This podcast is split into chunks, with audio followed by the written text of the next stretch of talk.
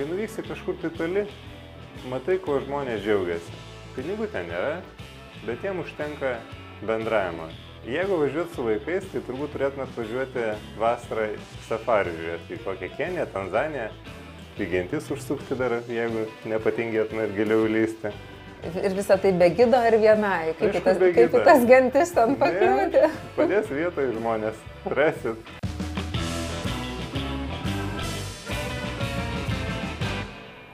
Sveiki, su jumis sveikinasi leidyklos Alma Litera podkastas knyginėjimai ir aš Vitalija Maksvytė. Na ir vėl susitinkame pokalbėms apie knygas ir apie tai, kaip jos kuriamos, apie istorijas, kurios slepiasi po knygų viršeliais ir kartais lieka tarp jų eilučių, apie kūrybiškumą, kuriejų gyvenimas, gy- gyvenimus ir kaip knygos pakeičia jų ateitį. Na ir šį kartą mūsų tema yra kelionės. Kelionės kaip laisvalaikio būdas, kaip tam tikras iššūkis arba pramoga. Ir prieš pandemiją turbūt daugelis lietuvių jau buvo visiškai įvaldę kelionių meną ir keliavo ne tik po Lietuvą, bet ir po visą pasaulį. Staiga pasaulis užsivėrė, išmokome keliauti po Lietuvą. Na, o dabar Ukrainos karo akivaizdoje neretas pervertiname iš naujo, įvertiname savo galimybės ir ką iš tikrųjų norime rinktis, ką renkamės.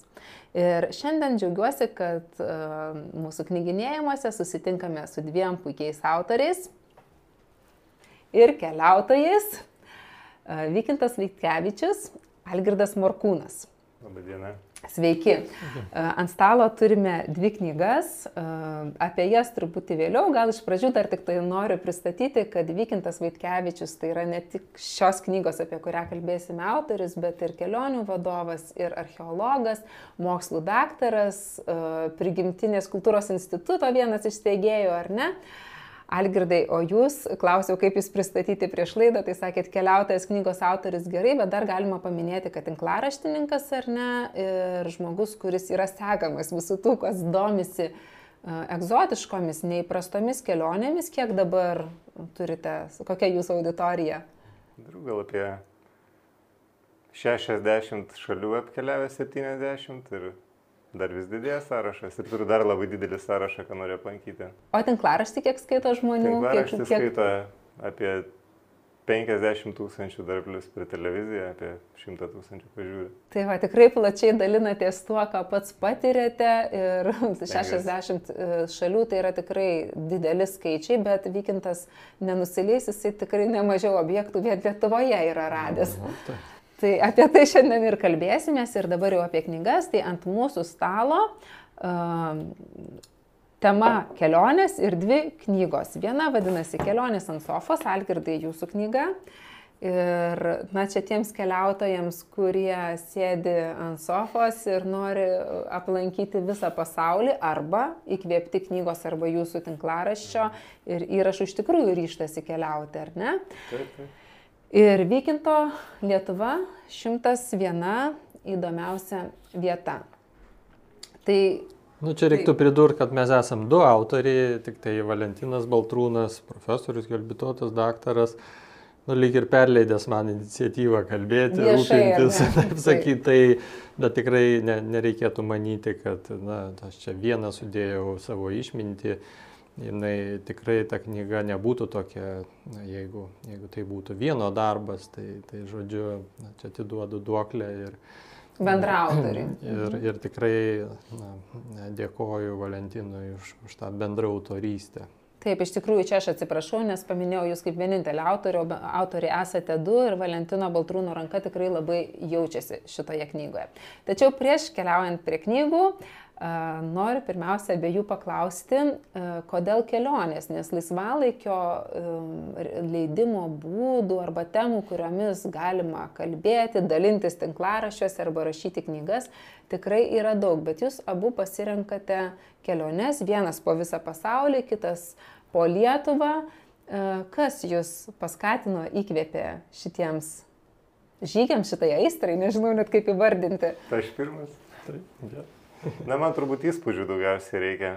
E, Norisi aštresnių įspūdžių, norisi atrasti kažką įdomesnio, norisi pabuvoti, kur nepabūna kiti žmonės, susipažinti su naujom kultūrom, kas yra vienas įdomiausių dalykų kelionėse, tai žmogus. Lietuvoje turime ir vieną pagrindinę religiją, vienintelis žmonių tipas, sakysim. O pasaulyje begalybės kultūrų, tradicijų ir, ir noras pažinti turbūt ir veda tolin. Kuo toliau nuskrendi, tuo naujesnių įdomesnių dalykų randi. O kada pradėjot? Pradėjau prieš kokių gal 13 metų. Pradėjau. Europos tai neskaitau, kad pradėjau, bet tuo metu, kai išskridau tolin į Aziją, pradėjau nuo Malazijos. Pasiryžau, galvoju, skrendu. Na, gal buvo šiek tiek baimė, nežinau, kaip ten bus viskas, kaip atrodys. Nes nei susikalbėsiu, galvoju, nieko, bet, ai, galvoju, važiuoju. Išskridau, nusileidau, galvoju, čia tai egzotika, triukšmas, kvapai, žmonės egzotiškai atrodantis, kalba. Bet tada ir užsikabinau ir pradėjau toliau. Tada dažnė, dažnė kelionės, per žemynus pradėjau šokinėti, Pietų Ameriką, Afriką, Aziją.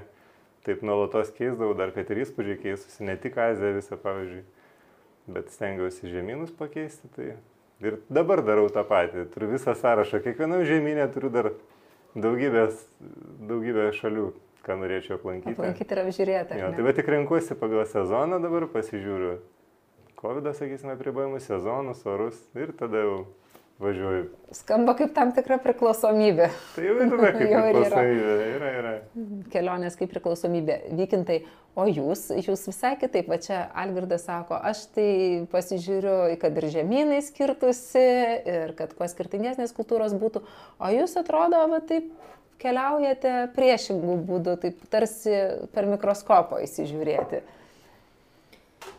Na taip, bet e, gal, gal na, tas išeities taškas gal, gal šiek tiek kitas, gal tiek, kiek, kiek mielam Algirdui pažinti, gal man nuo, nuo pat pradžių, nuo mažumės gal buvo tas atrasti, gal, gal ta, na, tas tikslas tokio na, būti atradėjų arba tapti tuo na, tokiu metraštininku, fiksuotoju E, su fotoaparatu ne, nesiskirdavau ir, ir, ir diktafonas, ir, ir, ir reiškia, užrašų knygelė ir panašiai. Tai, tai gal, gal va, na, tas toks išeities taškas, kuris, kuris na, ir iki šiol nepaleidžia ir na, tos kelionės jos, jos visada turi to tokio atradimo na, siekį ir, ir, ir dažnai atradimo džiaugsmą. Tai, tai Tai va, aš klausydamas apie Malaziją ir visai na,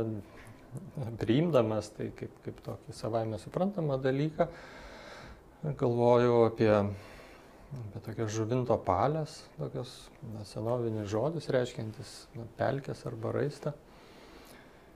Ir kaip seniai aš ten svajojau keliauti ir kaip na, ta kelionė užtruko, atrodo, Alytaus Marijampolės rajonas, bet kaip toli. Ne, tai, tai man prireikė 27 metų, kad aš galų gale, reiškia, tenai va taip susiklostytų aplinkybės ir, ir ten patekčiau, bet vėl ne taip paprastai, nes tai yra rezervatas, ne, negalima eiti bet su, su maloniu palyda, su, su vedliu, kuris irgi nepaprastas dalykas, yra vietinis žmogus, kuris, žodžiu, na, sutiko metęs atidėjęs į šalį savo darbus lydėti. Tai, tai štai šį met, balandžio mėnesį, turėjau laimę na, po 27 metų svajonių aplankyti žuvinto palės ir, ir eiti tiesiog tais takais ir lankyti tas šventvietės, kurios ten yra išlikusios, aprašytos. Tai, tai nu, aš nežinau, nenoriu priešinti ir, ir jokių būdų ne, to nedaryčiau, bet nu, man tai ta Malazija ir man ta žuvinto palios yra. Nu, tai yra Jūsų Malazija. Nu, man, man tai yra aukščiausias lygis. Aš, aš tą nu, patiriu, išgyvenu, na, tampu atradėjų, lieku turtingas, ne, tas, tas visą tai galioja, kalbant. Ir, ir kaip galvoju, kelią tenai, kaip, kaip tokie susitikimai, kaip, neaiškiai, ten prieš penkis metus turbūt kalbinau Klaipėdoj tokį šimtametį partizaną, neaiškiai, Vinsą Kubertavičių, dabar jau šviesaus atminimo. Ir kaip jisai ten gimęs, kaip jisai man, nu, kaip ir lik ir iš naujo man atgaivino tą svajonę, tiksliai pasakodamas, kaip ten viskas yra. Jo įrašas, kaip, kaip paskui jau, jau šią žiemą, karantino žiemą, kaip tyrinėjau, neaiškia, daktaro Jono Basanavičiaus archyvę esančius laiškus, na, tokio Totoraičio rašytus iš daugšių. Ir kaip visą tą artinau, artinau, artinau. Ir jau, kai jau tapo aišku, kad tiesiog reikia tą padaryti, jau nebegalima atidėlioti, nu, va, tai ir įvyko. Tai va, ta, ta kelionė, taip, jos būna ir netikėtos, bet kitos būna laukte išlauktos. Ir, ir, ir, ir ten tie atradimai ir patyrimai, kurie vyksta, jie tokie tokie įsimintini, va štai ir aš ir pasakoju jums, nors visai negalvojau, kad tai pasakoju. Algirdai, o jūs esat girdėjęs apie žuvinto palės? Ne, nesu. Tai va, pirmą kartą mes, aš irgi nesu girdėjusi, tai dabar jau mus užnorinam, kaip sako. O Algirtai, va taip gražiai vykintas pasako, kaip tos kelionės artėja, artėja ir kartais va 27 metus reikia laukti, kol įvyks. O jūs sakėt, renkatės, e, kur dar nebuvau, kur skirtingos kultūros, bet iš tikrųjų yra va, tas jausmas, kad jau kažkokia šalis, jau kviečia, jau prašosi, jau yra, artėja. Irgi, irgi yra lygiai taip pat irgi laukiu. Dažniausiai laukiu, kol karas baigsis šalyje. Aš čia noriu nuvykti, bet negaliu, nes yra karas Ir kai matau, kad karas blėsta toje šalyje, nu, pavyzdžiui, Irakas ar, ar, ar Sirija, iš tokių, va, tada jau atsiranda artimam sąraše, kai tampa saugu, saugiau, tada galima važiuoti. Bet iš esmės, taip pat ir Venezuela, pavyzdžiui, nuostabi šalis, didelė, daug ką pamatyti galima, gamtos stebuklai, gentis ir panašiai. Tai kol kas nevykstu tenais, laukiu, brestu, Pasižiūrėsiu, kai bus proga, kai situacija pagerės, tada ir nuvyksiu. O daug tokių yra, sąrašą kažkokį turi, daug tokių laukiančių. Šalių. Sąrašas mano galvoje. Galvoje. Ja, iš tikrųjų daug, turiu kokių, nežinau, 30-40 šalių, kur noriu nuvykti. Žinau, kad ten labai įdomu yra, bet viskam reikia laiko skirti, reikia rasti, kada nuvykti, reikia išsinagrinėti, kaip nuvykti, kaip saugiau, jeigu ten ne viskas saugu, susidėlioti, kad kad saugus ir gražus grįžtum iš tenais. Kad grįžtum. Ir kad grįžtum. tai va. Skamba kaip surinkti pasaulį, kaip tai yra šalis tiesiog. Kaip, kaip dėlionė. Dėlionė? Panašu, turbūt. Saliginai panašu. Ne, tai, kad nesirenka tų saugių arba neegzotiškų zonų jau, ar ne, jau tokio patogumo ir komforto ir gerovės valstybės. Šitas iš esmės jau kaip ir atkeliavęs. Europietiškas šalis, tai turbūt visas iškeliavęs. Gal ten likę kažkokios mažesnės, bet Jo, gal, bet pagalvojus apie dėlionę, turbūt dėlionės gal ir nedėlioju, nesistengiu viso pasaulio užpildyti, bet važiuoju, kur įdomu. Stengiuosi susirasti įdomią vietą. Jeigu jau pildyt pasaulį, tai turbūt reikėtų nusekliai. Va, tai pradėti nuo vieno krašto, užpildai Afriką, užpildai Aziją, tarkim, užsidėjai pliusą, baigiai pasaulį, bet nenoriu to. Noriu ilgam į vieną šalį, kad pilnai išnagrinėt pasižiūriu visus regionus, kiek įmanoma. Na, aišku, tokia šalis, pavyzdžiui, kaip Indija, tai ten per vieną kartą jos neapvažiuosi, labai didelė, bet galima vienoje kelionėje dvi valstybės sujungti, jeigu nedidukės kokios Afrikos šalis, pavyzdžiui. Tai va ir, nu, žodžiu, brestų irgi taip pat, kai kuriam šalim brestų, kai kuriam laisvai galima važiuoti. O keliaujat vienas ar, ar, ar turite kažkokius bendraminčius? Labai įvairiai būna. Vat, šitoj kelionėje buvau su Sudanu. Šitoj tai čia kur grįžot už vakar. ja, už vakar iš Himalajų. Tai buvau Sudanu keliavau, labai smagiai laiką praleidom, labai patyręs įdomus keliautojas. Į kitas važiuoju vienas, į trečias pakalbinu draugus, jeigu kažkas tai nori. Važiuoju kartais su broliu irgi. Įvairiai. Šiaip labai kombinuoju, stengiuosi visada pasiūlau kažkam iš aplinkinių ratų, kas norėtų pažinti pasaulį, bet, žinot, galimybės ne visą laiką leidžia laikas, finansai ir panašiai, tai pakankamai nėra lengva išsivežti iš Lietuvos žmonės į tokias tolimas egzotinės šalis. Tai kaip ir gal turbūt dažniausiai vienas važiuoju tolimas. O minėjot, kad kelioniai skiriat pakankamai laiko pažinti tai kultūrai, tai šaliai. Tai koks yra trumpiausias ir koks yra ilgiausias tas kel, ke, kelionės laikotarpis? Čia reiktų gal apibriežti kvadratiniais kilometrais, kiek dienų reikia tuos kvadratinius kilometrus. Apibriežkit, taip kaip jūs skaičiuojat. Turbūt pagal lankytinus objektus taip žiūriu. Jeigu miestui, tai ten viena diena, jeigu regionui, tai sakysim savaitė kažkokia, bet jeigu giliai kalnus įlysi, jeigu žygiuosi ir ten kažkokį base campą pasiekti, dar reikia savaitės. Nu, tiesiog atsidarau šalį, kur noriu nuvykti, susidėlioju punktus, susidėlioju vietovės, kur įdomiausias, iš akies primeti, nes labai sunku nustatyti, tra, kaip transportą gausi, ar ten su motociklu reiks nuvykti, ar su vietiniu autobusu, ar, ar galėsim su taksi nuvykti ten kelias valandas ant transporto šiek tiek primetu, ir tada jau susidėlioju, kiek tai kelioniai reikia. Matau, jeigu per tris savaitės pabaigsi kelionę gerai, jeigu ne, tai tada dar dasidės Arba jeigu užtenka dviejų, tada dar galima, pavyzdžiui, savaitę į kitą šalį šalia kokią gretimą. Jeigu įsileidžia, jeigu draugauja tos šalis ir vizą suteikia ir panašiai. Mhm. Gerai, ačiū. Dar noriu uh, pasakyti, kad ir jūsų um, kelionės ant sofo šita knyga, taip kaip gražiai beje ir pristatėte, vykintas kaip toks tyrinėtojas, sistemingas informacijos medžiagos dokumentų domenų rinkėjas, tai ir knyga tokia labai aiški sistema, viskas sudėta skyriais, paspalvota, sugrupuota, surušiuota. Algirdo knyga tokiais pliūpsniais. Čia viena šalis, čia kita šalis, čia daugybė nuotraukų, energijos, tokios emocijos. E, ir pavadinimas - kelionės ant sofos. Tai um, noriu paklausti, kaip gimė šita knyga ir, ir, ir kam jis skirta ir ar tikrai galima keliauti sėdint ant sofos. Na, turbūt knyga Knygą šiaip skiriu visiems skaitytojams, kam patinka keliauti.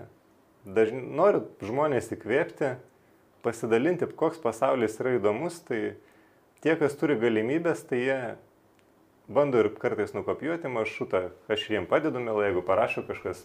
Pakonsultuojate. Pakonsultuoju ir sudėlioju ir dar kažką, tai tikrai negaila, gali žmonės kreiptis, paklausti, jeigu yra klausimų. Tai nemažai šiaip gaunu gerų atsiliepimų, kuriuos įkvėpiau keliauti, tai va, iš esmės dėl to tai ir darau. Knygą, filmuoju filmus, darau tam, kad žmonės keliautų, pažintų pasaulį, kitas kultūras, ne tik apsiribotų savo siūrų mąstymų kažkokiu tai. Tegul kuo daugiau informacijos, kuo daugiau, geriau jausis, atkeliaus, atostogaus, atsipalaiduos, o, o knygoje, sakysim, pavadinu ant sofas, tai taip pat ir kitiems žmonėms, kurie negali keliauti, bet kurie domisi pasauliu, domisi kelioniam tikrai daug tokių yra žmonių, tai va, taip pat ir jiems skiriu, kad galėtų ramiai pakeliauti. Įsigyję knygą, nereikia daug investuoti į lėktuvo bilietus. Lėktuvo bilietus, aprangą ir visa kita. O žiūrėkit, dar užrašėt ant knygos šalis, į kurią savaitgalį nenuskrisi. Nuo egzotiškosios Etiopijos iki tokių genčių vakarų papua. Tai man toks klausimas, tą savaitgalį nenuskrisi. Vis dėlto, kaip ir pats minėjo, tai renkatės tokias uh, egzotiškas, tolimas šalis, tas nenuskrisi tarsi ir kad kilometrų daug ir iššūkių visokiausių gali būti, bet ir su tuo saugumu, kad ne visada ten jos saugios ir ne visada draugiškos e, keliautojams. Tai kai į jūs kreipiasi žmonės konsultacijų ar patarimų, va, perskaičiau, pamačiau, išgirdau, kad tu ten buvai kažkur, kažkur, nežinau, bet kur iš šitų kelionių, visiems sakot taip drąsiai, kad gerai keliaukit, viskas gerai, ar vis dėlto kai kuriems rekomenduojat ant sofos geriau pasilikti? Tai čia priklauso nuo keliautojo. Šiaip tas turbūt, kuris kreipiasi važiuoti bent ten, nu, pavyzdžiui, papuoja. Ten buvo sunku išvykti, ant kelio medžius degino, perversmas iš esmės vyko, degino vyriausybės rūmus ir panašiai. Tai aš, aš nesiūlau ten keliauti, bet jeigu žmogus nori tenai, tai tada, tai, tada galiu padėti, pasakyti, kaip ten ką daryti, kur saugiau tai daryti.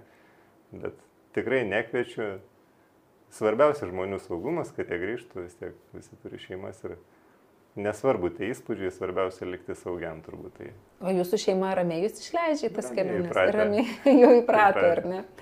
Gerai, vykintai truputį prie jūsų, kad um, ne tik tai po pasaulį, bet ir po tą mūsų mažai pasaulį, po Lietuvą. Ir kaip jau sakiau, jūsų knyga tikrai kitokia. Ir aš sakyčiau, kad tai yra toks ne tiek emocija, kiek ir tos spalvos, ar ne, ir, ir, ir kaip pasalgirda, bet tikrai toks sumanimas išleisti susistemintą, aiškiai patiktą vadovą, ką Lietuvoje, kaip galima pamatyti, sugrupuoti, surušiuoti. Ir šita knyga, e, pirmas leidimas, jeigu neklystu, 2008 metais pasirodė, tai žiūrėkit, jau 15 metų, jeigu gerai skaičiuoju, ar ne, dabar galvoju, skaičiuoju panašiai, tai 15 Panašiai. metų. Ar yra kas per tą laiką pasikeitė, ką, nu, ką atnaujino dabar, kai naują leidimą darėte, arba gal iš vis net naujinot, bet norėtumėt kažkaip kitaip daryti, gal jau ir pačią Lietuvą kitaip matote, tą šimtą vieną vietą gal kitaip jau matot? Na, čia daug, daug turbūt reikėtų kalbėti, pasakot, prisiminti. Tai, tai knyga, kuri buvo sumanyta turbūt 2007-2008 metais, tai Tai tuo metu nebuvo nieko kito panašaus, na, būdavo fotoalbumai, bet jie neturėdavo tokio na, aiškaus teksto arba pasakojimo. Tai tas sumanimas, kuris kilo ir, ir atvėrė tokią keliam metam tokią visai, visai nemažą ir, ir, manau, reikšmingą tokią seriją leidyklos knygų, jisai nu, toksai buvo labai įdomus, irgi uždegantis, kūrėm, galvojom, kaip, na, kaip tą pateikti. Pati knyga, kas, kas ją matėt, o dabar pasirodžius antram leidimui jau, jau galima nusipirkti ir pirmą, jau, jau žmonės atsisako, šiaip jau seniai buvo tiražas pasibaigęs, tai, tai yra milžiniškas skirtumas ir, ir, ir aš šiaip abejojau dėl to, ar verta, ar reikia. E, bet, na taip, e, na, kažkaip nebuvau tikras, ar, ar yra prasme tokia didelė.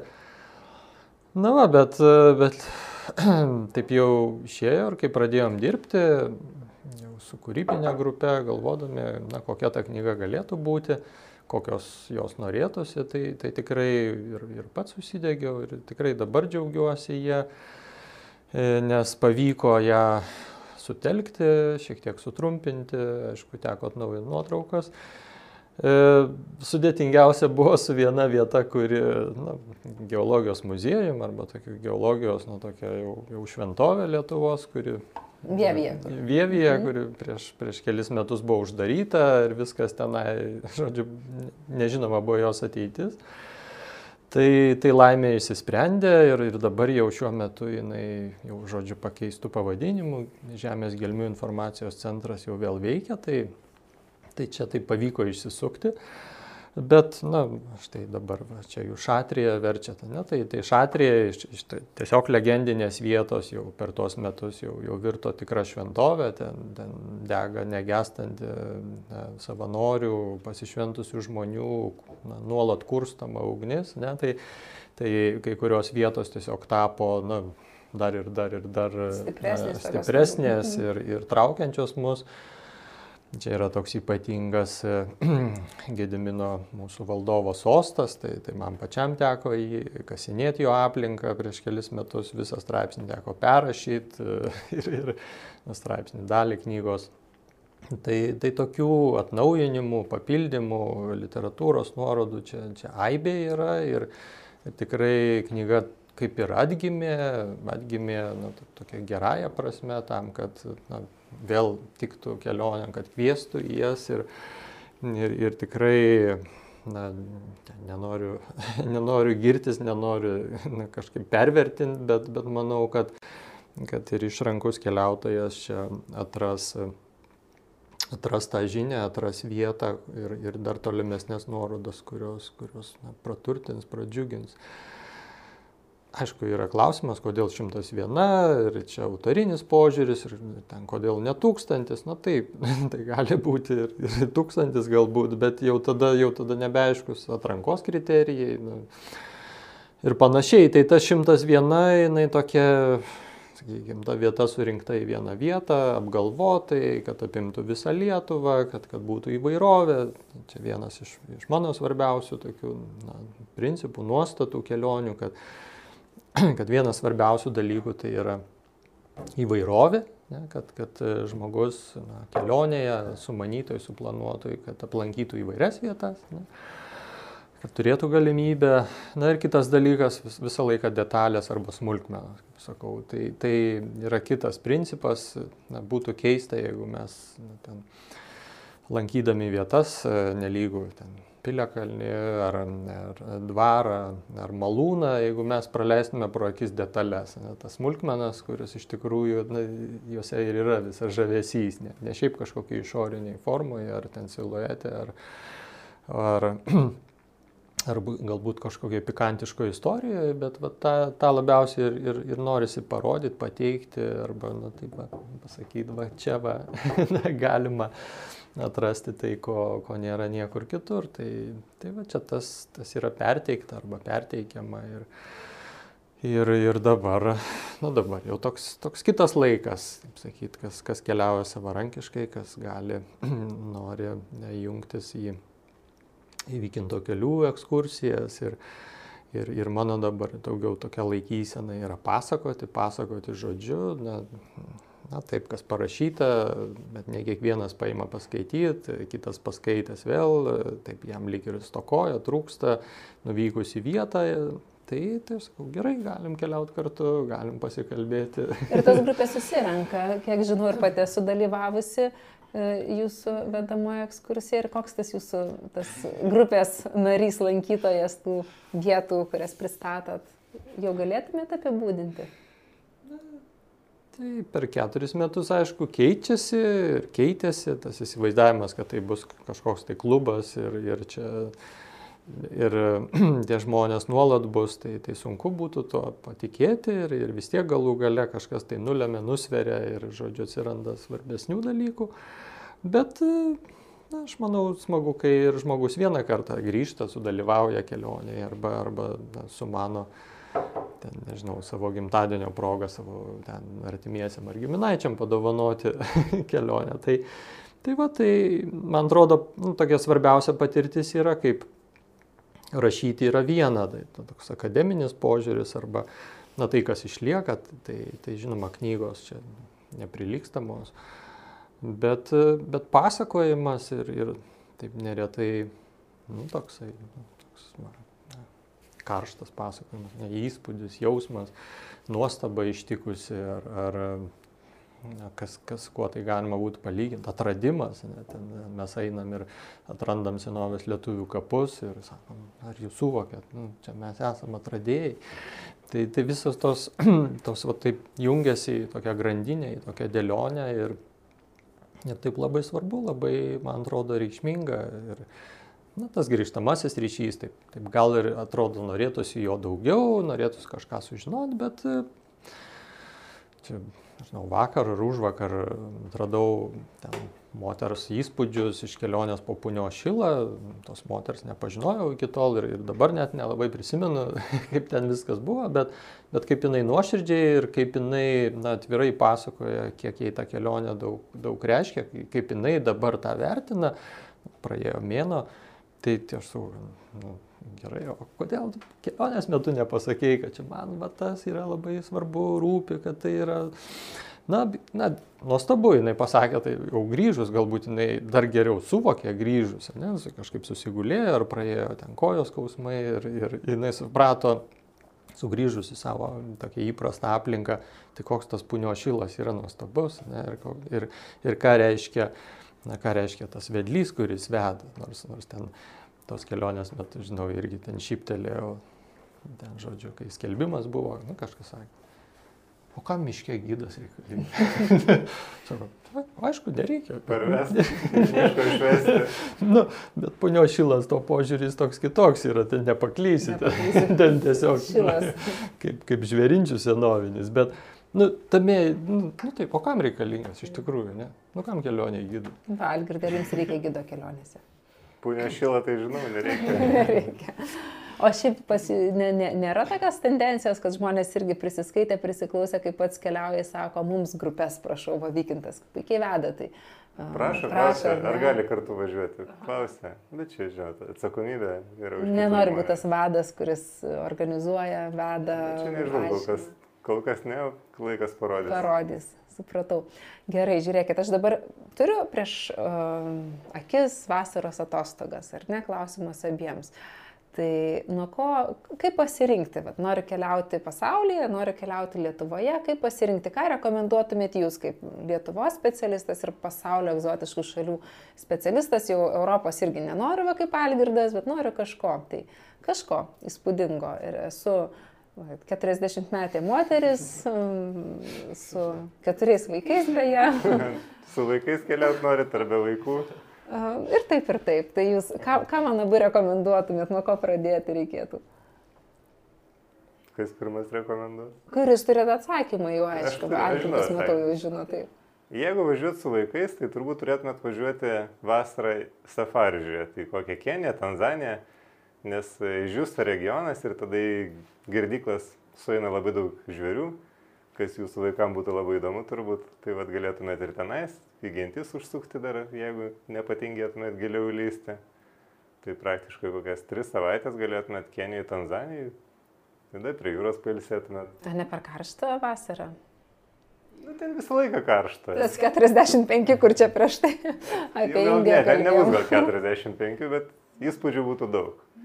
O jeigu vienai keliauti, tai tada jau reikėtų žiūrėti turbūt COVID apribojimus pagal šalis, kurios įsileidžia, dabar vis daugiau ir daugiau šalių įsiveria. tai galima rasti. Dabar jau turbūt reiktų visas šitas artimesnės Kirgizijas, Uzbekijas palikti dėl esamos situacijos, bet galima nuvažiuoti, pavyzdžiui, į Ekvadorą. Ir labai gera, geras Kuo?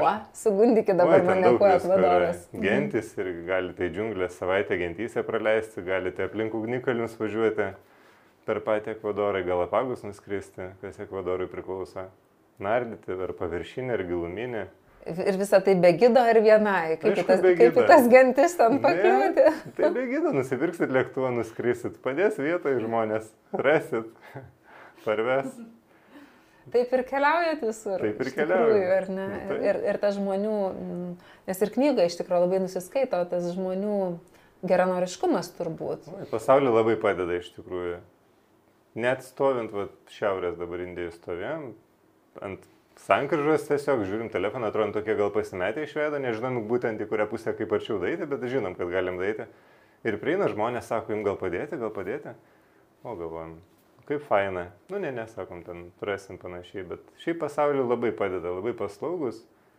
Gal netgi akcentuočiau islamo šalis, ten tai žmonės labai jau paslaugus visą laiką nukreips, paves, paliks savo darbus vietoje, sakys, einam, aš tave palidėsiu. Viską gali parodyti tikrai labai žmonės pasaulyje geri. O yra buvę tokių situacijų, kad, na, iš tikrųjų pasijutot kažkaip nesaugiai, ar čia jau, a, kad, oi, per giliai klimpau, per drąsiai nukeliavau. Buvo situacijų turbūt tokiose, sakysim, labiau laukinėse šalyse, kad ir kokiam Rio de Žaneire, geriau nelysti į atitinkamus rajonus, netgi į parką geriau sutemus neiti, nes ten prasideda narkotinių medžiagų prekybos parkuose, nekokia publika renkasi, kažkokie neaišku žmonės šlaistosi, kabinėjasi arba, nežinau, būna Afrikos didmešių. Dažniausiai nesaugus yra didmešiai. Ir reikia labai atsifiltruoti vietas, kur didmešiuose eiti sutemus. Dieną viskas gerai, būna ramu, daug žmonių, vakare patys net vietiniai nebelenda, tai jau tada reikia žiūrėti tikrai. Geriau nekišti kojas, kas nori saugiai, ypač moteriai vienai, va jeigu keliautumėt. O pačiam iš visų tų kelionių 60 šalių, 60 man atrodo, Ir minėjot. daugiau dar. Ir daugiau dar, kuri buvo pati įspūdingiausia, pati pati va tokia, kad jau... Žinokit, labai sunku pasakyti pačią geriausią šalį. Tada turbūt visi ir skristų ten. Ne, ne geriausia šalis, įspūdingiausia kelionė. kad- Įspūdingiausia taip, kelionė. Nevertinant pačios šalies, bet kad tikrai ar, ar įspūdžiai buvo didžiausi, ar iššūkių daugiausia. Nu, vat, taip, aš, kad... aš vis tiek negaliu tai pasakyti, nes kiekvienoje šalyje labai daug skirtingų įspūdžių. Islamo šalis, labai draugiški žmonės tenais. Pavyzdžiui, Pietų Amerikoje gamta nuostabi, Čilė, dieve, ten kiekvieną dieną po tris kartus vaizdai keičiasi, lipi per kalnagūbrį, pasikeitė ledas, miškai senieji uolos, upės, didžiuliai kiškiai atbėga, nežinau, kaip mūsų ten veršelio dydžio. Tase labai įspūdinga gamta. Azija irgi sen, senosios ši- kultūros visos. Nu, labai daug. Afrikoje gentis, sakysim, irgi. Kiekviena kelionė turi kažką tai savo perlą, kuo jinai pasižymė. Tai labai sunku įvardinti šalį, tiesiog iš viso pasaulio galėčiau pririnkti po šalį, kuri kažką labai gero suteikia, labai įdomaus, bet vienos negaliu iškelti. Neišskirtumėt. Gerai. Ne. O grįžtant prie vykinto, tai vykintai, kur jūs rekomenduotumėt, nuo ko pradėti keliaujant Lietuvoje vasarą? Turiu, va, sakau, visą du mėnesius vasaros atostogų.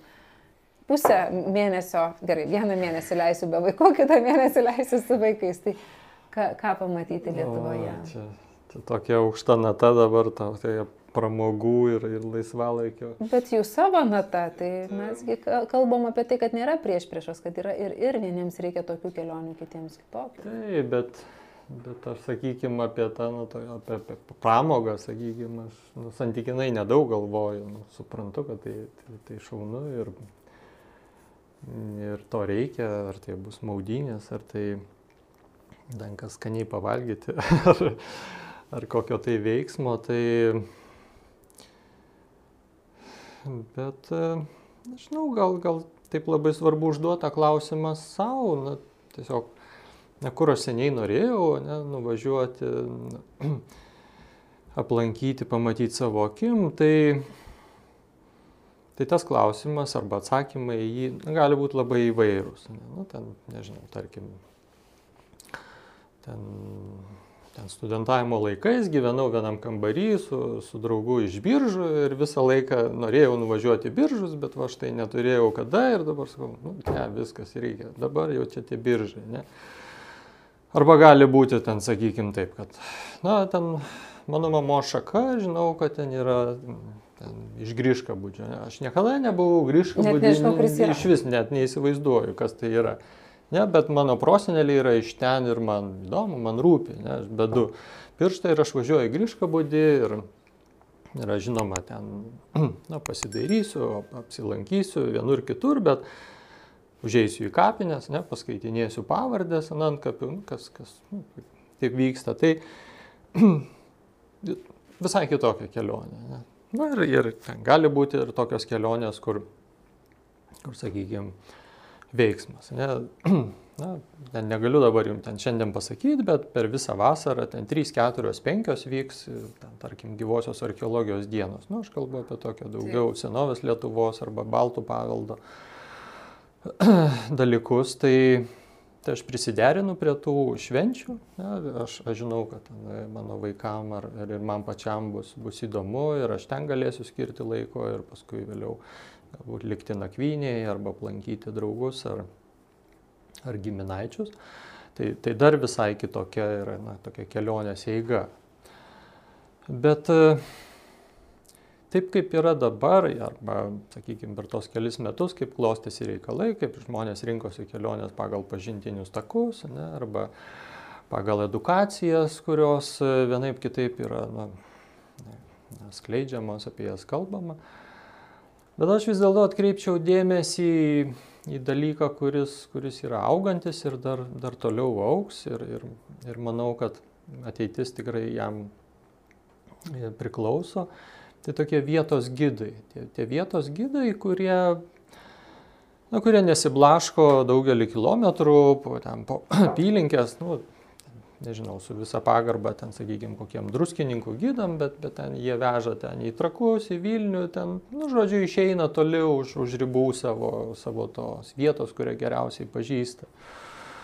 Va. Tai aš kalbu apie tos vietos gydus, kurie yra iš esmės sėslus, bet jie maloniai priima žmonės, kurie atvažiavę, na, na, nori, nori pažinti tą konkretų, ar grįžką būdį, ar papilę, ar, ar, ar, ar dar kurią nors nedidelę vietą. Ir, ir jie nuo pat pradžių tiesiog savim pačiu, nu, liudyja ne, tą vietą, tai, tai jų kalba, išraiška, tam tikra elgsena, etiketas, nu, mes suvokiam, kad ten yra daug tokio asmeniškumo, bet, bet kartu suvokiam, kad tai yra ir ten gyvenančios bendruomenės atspindys, ne, kaip, kaip ta bendruomenė nu, tarpusai bendrauja, ne, kiek, kiek ten yra apkalbų ir kokios tos apkalbos, nu, tai čia toksai socialinis lygmuo. Bet tas žmogus puikiai žino tas, tas mažasias istorijas, kurios dažnai yra niekaip neįamžintos, ne, neaprašytos ar ir, ir neperteiktos, bet, bet kurios padaro tokį labai didelį įspūdį. Nes, nu, nu, kas daro žmonėm įspūdį? Vienas iš svarbiausių dalykų žmogus na, turi atpažinti save arba imti tą patintis, arba norėti tą patinti su tuo, ką girdi, arba su tuo, ką mato, arba na, ta, tas bendravimas turi, turi teikti na, tokį savumo jausmą. Ne? Jis atvažiuoja kaip svečias, bet, bet išvažiuoja jau kaip savas. Ne? Tai kas, kas yra tokia siekėmybė, nors nėra taip paprasta tą pasiekti. Tai, tai va tai, man atrodo, ten ir, ir pernai buvo toksai sumanimas, čia žodžiu, na, skatinti, kviesti žmonės keliauti po Lietuvą ir ten buvo dideli sąrašai jau tų vietos gidų, ne, kurie jau, jau, jau lyg ir pastebimi, jau lyg ir na, apie save daugiau kalba, bet, bet yra ir daugelis tokių žmonių, kurie, kurie ten gyvena tam miestelėje ir, ir ten, sakykime, neturi gido pažymėjimo, bet visi žino, kad tai yra žmonės. Oficialusis gidas. Na, tai, kad, kad ten nuėjęs svečias atvykęs žmogus visada bus na, kažkaip tai jo pasirūpinta ir, ir parodyta visą, kas, e, kas įdomu ten tikėtina bus koks nors nedidelis e, ne, muziejus e, asmenis, kurie, kurie irgi be galo žavi, kaip, kaip aš sakau, ten tokios klėtelės arba svirneliai, kur telpa visa Lietuvos istorija, kur, kur nereikia salių. Aš iš šeštadienį buvau Nemakščiuose pirmą kartą ir ten atradau, kad aštuonračio muziejų, tai tu puikiai žinai, apie ką kalbam.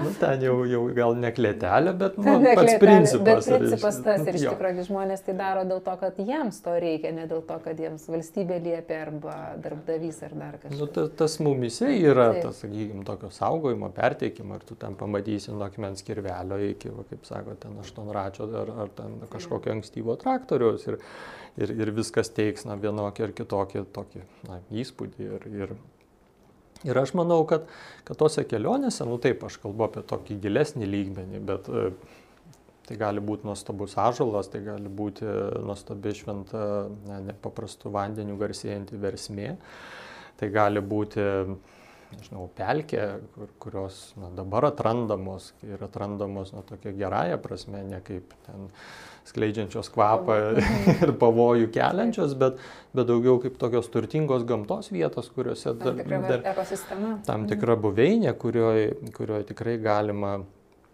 išgirsti, pamatyti, pas, pasijusti, sakykime, net, net galbūt net nereikia tokios ypatingos vietos, bet nors, nu, kaip visada, tikslas yra, yra nuostabu ir labai gerai, kad jisai yra ten, sakykime, ten keliauti į salą, nes girdėjom, kad ten yra partizanų bunkeris, ne, keliauti į tą pusę, ten prie upelio, nes girdėjom, kad ten yra raganų akmenys. Ne, nu, ir tas, tas, aišku, irgi suteikia tą, nu, tam tikrą legendą, ne, mes ten rasim ar nerasim, kitas klausimas, bet tikslas mūsų, nu, jisai toksai va, yra paaiškinamas uždegantis, uždegantis arba na, dalykas, dėl ko mes išsirošėm. Ne, tai tas vienas svarbiausių principų. Ir jisai nuo, nuo tokios įžymios tokios Lietuvo žygeivių punioji pasirašytos sutarties 1966 metais, gudžios okupacijos metais, mūsų, mūsų didžių tokių na, įkvėpėjų, keliautojų, ten, žinau, Algymanto Jucevičiaus, šviesios atminties Rimanto Krupicko, Juozo Dabkevičiaus ir kitų yra suformuluotas. Na, ne vieno žygio be tikslo. Ne, va, tas va, toks labai svarbus dalykas. Taip, tu gali siekti laisvalaikio ir pramogos, bet tavo žygis, tavo kelionė turi būti, nu, turėti tikslą. Nu, kodėl tu tą darai? Ne? Tai va, va ta priežastis gali būti vidinė, gali būti paskelbta, mes, mes galim, nežinau, ten kviesti draugus ir, ir galvoti pačius galbūt na, ten keiščiausius sumanimus, ne, ten apkeliauti Lietuvą, ar ten nukeliauti, nežinau, nuo Klaipėdos iki Visagino, ar, ar nuo Skuodo iki Druskininkų. Na, kaip jau mums tenai pasirodys svarbu. Ne, bet, bet visą tai įmanoma ir, ir tą galim, nežinau, daryti visuomeniniu transportu, kuris, kuris irgi ten visada ten Ar žinot, kiek valandų važiuoja autobusas iš Vilniaus į Skuodą? Ne? Ar žinot, kur jisai užsuka? Tai, tai, žinau, kad guodėsi žmogus, kad iš Kretingos va savaitgalį važiavam, iš Kretingos į Zarasus jam nuvažiuoti autobusais yra dvi paros. Didelis iššūkis šiais laikais.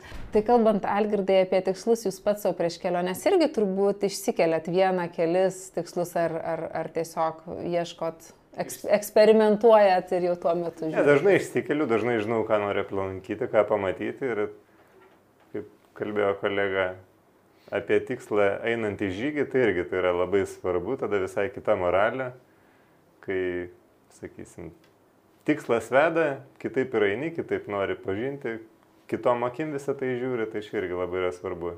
Kelionė dažniausiai irgi visą laiką turi turėti tikslą kažkokią ne šiaip tik tai plavinėti ar ten gulėti prie jūros, tai būtų neįdomu.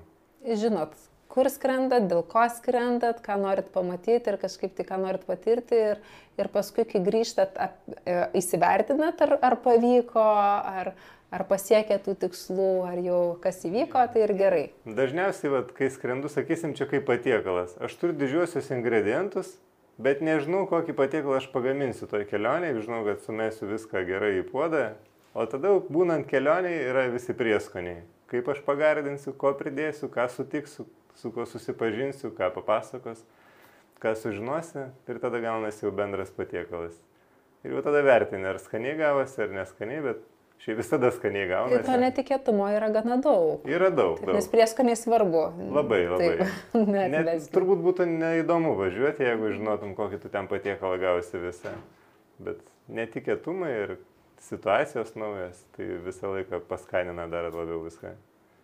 O vykintai dar prie tų kelionių e, Lietuvoje noriu paklausti, o jums, e, jūsų, e, jūs jau turbūt visą Lietuvą esate apvažiavęs, ar dar yra kokių nors regionų, vietų, kur norėtumėt pakliūti, nuvykti? Tai žinoma yra, tai čia. Išduosit kokią vieną kitą, nes knygai turbūt jų nėra, tos, kur knygoje prašytos, tai jau visos apkeliautos. Nu, apkeliautos, bet, bet vietos keičiasi ir, ir, ir mes keičiamės, tai čia nepasakysiu paslapties, kad, kad vietas, ypač tas, kurios mielos, na, jas tiesiog na, turim lankyti, kad tai yra ir tokios nu, tokios dvasinės kelionės ir, ir tiesioginė, ar, ar šiek tiek tokia plačiaja perkeltinė prasme. Tai, tai, tai mes vakar aplankėm vietą, bet jau jinai šiandien gali būti kitokia. Ne? Tai, tai nežinau, prieš dvi savaitės turbūt na, vedžiau, vedžiau na, druskininkų gimnazistus po Raigardą. Nu, Raigardo dabar. Ten, Kaip vienas iš, iš, iš čia esančių irgi objektų. Raigardo pakraščių. Tai, Tai, tai, tai tas, va, ta diena, ne, mes, mes išlipom, jie visi ten išgužėjo, ten, nu, kas čia bus, kas čia laukia, nu, aš ir lyg tai pradedu prisistatyti ir, ir tik ten gegutė užkukuoja. Nu, nu, iš karto yra ką kalbėti, yra ką pasakot, kas yra gegutė, apie ką mes kalbam. Ir, ir tu suvoki, nu tai va, tas Raigardas, va, tą dieną konkrečią Jisai buvo visai kitoks, nes, nes mus nu, palydėjo gegutė. ir mes ir ėjom toliau ir, ir kalbėjomės apie tokius rimtus dalykus. Ir, ir, ir, ir viena iš tokių įsimintinų na, buvo ekskursijų su moksleiviais, kurie iš tikrųjų na, nebuvo įsikniaubę į telefonus, nežiovo, bet, bet tai, ką išdryso klausė, ar, arba aš jau taip lik ir nujausdamas jiem pasakojau, tai, tai taip yra ir su, ir su kitom vietom. Nu, na ir kas aš ten buvau, ne? bet kaip jinai šiandien atrodo, va, čia toks yra svarbus klausimas. Ir, ir, ir nu, mes tą aiškiai jaučiam, žinom, kad ryšys mūsų yra su jūra. Ne? Ten, kada paskutinį kartą buvai prie jūros, ar, ar ten va, štai važiuojam čia tą jūrą. Ne? Bet, bet su kitom vietom mes lygiai taip pat galim ir, ir net sakyčiau, turim mėgsti ryšį, nes tom vietom mūsų reikia. Ir dažnai atrodo, kad va, štai čia Aš nusprendžiau, čia aš einu, važiuoju, čia tokia regykla, čia, čia gražu smagu pabūti. Ir mums atrodo, kad mes priimam sprendimus. Bet ne. Gerai, čia dar atskira tema, galėsim prie jos grįžti. Aš dar noriu paklausti, kol, ne, nes žinau, kad čia jūs tikrai turit ką papasakoti, e, bet noriu paklausti apie tas vietas, kur e, nesat buvęs Lietuvo, Lietuvoje, tas konkrečiai vietas, kur nesat buvęs, bet labai norėtumėt nuvykti ir jos tiesiog jau laukia jūsų. Galėtumėt vieną kitą išduoti? Na, nežinau, ar, ar kažką tai tokio sakys, ne, ar, ar, ar ten tie smulkus pavadinimai, ar, ar vietos, apie kurias iš kažkur tai sužinojau, ten atradęs galbūt vietovardį, galbūt e, kas galėtų, kas galėtų sudominti arba būti reikšminga, vertinga. Na, sakykime, Šilalės apylinkės yra tokios ypatingos vietos, tokie saulėkalniai, saulės kalnai tokie. E, tokios senovės šventovės. Na, tai, tai va dabar laukiu progos, kada bus galima vieną iš jų aplankyti, na, apžiūrėti, tokių tyrinėtojų žvilgsnių labai rūpi, na, kaip ten yra, kodėl ta vieta pasirinkta, kuo jinai pasižymi. Tai, tai sakykime, visiškai na, už vakar, sakyt, baigiau, nu, baigiau, baigiau, pradėjau tokį didelį tyrimą apie Vilkokšnio ežero pakrantėje esančią tokios senovės lietuvių na, vietą ir, ir šventą vietą. Yra Grendavės kaimas, žaliosios kaimelis. Ir, ir ten tą vietą tai pradėjau tyrinėti irgi dar, dar tolimais 1921 metais, bet va štai kiek prireikė metų, kad aš galų gale taip, man atrodo, atradau raktą į tą vietą. Ir aš dabar žinau, kad aš ten noriu nuvykti ir, ir pasivaikščioti tam Alkaičio miške ir tam miške yra, yra, turi būti kalnas. Ir koks tas kalnas ir, ir aš jau mintyse galvoju, na, kaip ten viskas atrodo. Tai, Tai va tokie mano labai paprasti poreikiai. Paprasti poreikiai, tokie svajonės. Kaip, kaip sakot, gal ir ne visi žino tas vietas, bet man atrodo, kad tai, kad jūs iškeliat ir tos pavadinimus, ir reiškinius, ir netgi gyvūnus šitoj knygai, pažiūrėjau, apie balinį, balinį vėžlę, aš tiesą sakant, žinojau tik iš vaikystės geležinės tos varlės, bet daugiau tai nieko, nei kad jis gyvena Lietuvoje, nei kur jis gyvena, tikrai nieko nežinojau. Tai, Tai man regis labai svarbu. O kalbant dar apie vietas, tai noriu ir Algirdo paklausti, ar yra vietų, į kurias griežtai nerekomenduotumėt keliauti ir sakytumėt, kad nu, ten buvau, bet jau geriau niekas ten nevykit. Aš gal nerekomenduočiau keliauti į karo zonas. O yra pačiam tekę pakliūti taip jau tiesiogiai? Ne, nevažiavau, aš į aktyvaus karo mhm. zonas nevažiuoju, pakankamai tai nesaugotis. Saugotės, ar ne? Saugausi, saugausi, mhm. neverta. Yra šalių, vat, galim, pavyzdžiui, kad ir Venezuela nuskristi, nors ir ten vyksta neramumai, bet galima net nevykti į didžiuosius miestus, oro uosto zonose nakvoti, tada perskristi su mažais lėktuvėliais į kokias džiunglės. Įmanoma tai daryti, bet dėl savo saugumo tai aš jau nerekomenduočiau ten važiuoti. Ne, ne, geriau palaukti vis tiek šalis. Kažkada susitvarko dažniausiai, anksčiau ir vėliau, penkis metus palauk galima. Dar o kiek kažkaip. ilgiausiai esat laukęs tokios kelionės? Gal dar tebe laukia, aš jau kažkiek metų. Aš, taip, aš per daug negalvoju, žinokit, apie tas. Ten, kur negalima, jos mano sąraše nedalyvauja kol kas. Dalyvauja ten, kur galima. Dabar turbūt aktualiau yra COVID. -as. Yra gerų šalių, kurios dar vis užsidarė, kur norisi nuvažiuoti. Tai va, aš labiau laukiu, kada baigsis COVID, aš čia turbūt realesnė situacija, kad jisai baigsis, negu kad kitose karas baigsis. Ten metų metais gali trukti, šaudys, gaudys, pabus po to atsidarė tris mėnesius ir vėl kažkoks neramumas ir vėl tada šaudys, tai, tai jas kol kas iš šono reikia padėti. O ta pandemijos pradžia, ar ne, ir tas COVID, kaip jūs sakot, vis tiek jau keliavo, tai prieš jį jau buvo įpročiai tam tikrai susiformavę, ritmas ir staiga štai COVID, pandemija, kaip tai mhm. paveikė, kaip tai paveikė jūsų? Daugiau keliavau per COVID negu tikrai? prieš COVID, tikrai. Buvo galima, pradžioje, kol nebuvo žmonės vakcinuoti, tai reikėdavo labai stebėti, kada privaloma karantinuotis nuvykus, iš kokių šalių grįžus į Lietuvą privaloma karantinuotis. Ir būdavo atsidarinėdavo tarpai, kada nuvyksti tenai nereikia, grįžus čia nereikia, va taip ir gaudai tada, kur nuvažiuoti. O kelionės atpigo tuo metu, nes nieks nekeliavo, lėktuvai pustuščiai, turistų nėra. Tai buvo galima aplankyti gražiausias vietas, kur lūždavo nuo turistų, o tu atvažiuoji, ten nieko nėra. Tai daug fainiau taip tas nedaug tikrai geresnė kelionė, kuomet nereikia grūsti su turistais. Pavyzdžiui, Peru pakankamai lankoma šalis ir ten per COVID, tikrai, atsiprašau, prieš COVID labai daug būdavo žmonių, iš visur, iš JAV suskrisdavo ir iš Europos. O per COVID tuščia, nieks neina, bijo visi važiuoti. Per COVID šiaip sustoja keliavimas. Bet jeigu viską protingai darai, žinai, kaip susitestuoti, kada prieš grįžtant ir panašiai susiplanuoji gerai, tai dar geriau keliauti nes daug lengviau, transportai visi laisvi, viskas.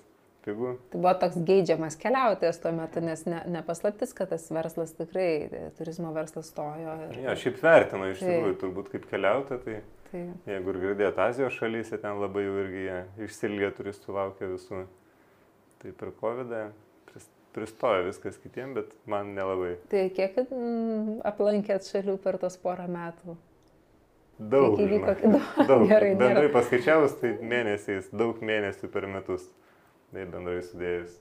Supratau. Gerai, štai kas vieniems atrodo iššūkis ar ne, ir kad tikrai reikia sėdėti mm. namuose, kitiems galima e, na, pažiūrėti kaip ir į tam tikras galimybės. Ja, čia, čia, žinokit, turbūt padvigubėjo planavimą pačią. Jeigu paprastai prieš kelionę važiuojant reikia susiplanuoti, susidėlioti, kaip ten važiuosi, kaip ten ką padarysi, tai per COVID būtent labai svarbu buvo laikas testų galiojimai. Ten kur pasidaryti testą. Viena mieste nedaro, kitam daro. Nu, va taip ir, ir varijuoja. O žmonės galvoja, ai, aš gal neapsisunkinsiu, geriau pabūsiu namie arba kažkur va, nuvažiuosiu prie jūros savo šalyje. Nevažiuodavo, nors noro didelio buvo daug, bet žmonės. Ribojo save. Riboja, nu, pakankamai sudėtinga. Jeigu žmogus nepratęs pas planuotis kelionių, tai jis tada ir nevažiuodavo turbūt, nes kelionių agentūros irgi pristabdė nebent į kurortų skraidino egzotiškas šalis, tai jau reta, kuri vežė.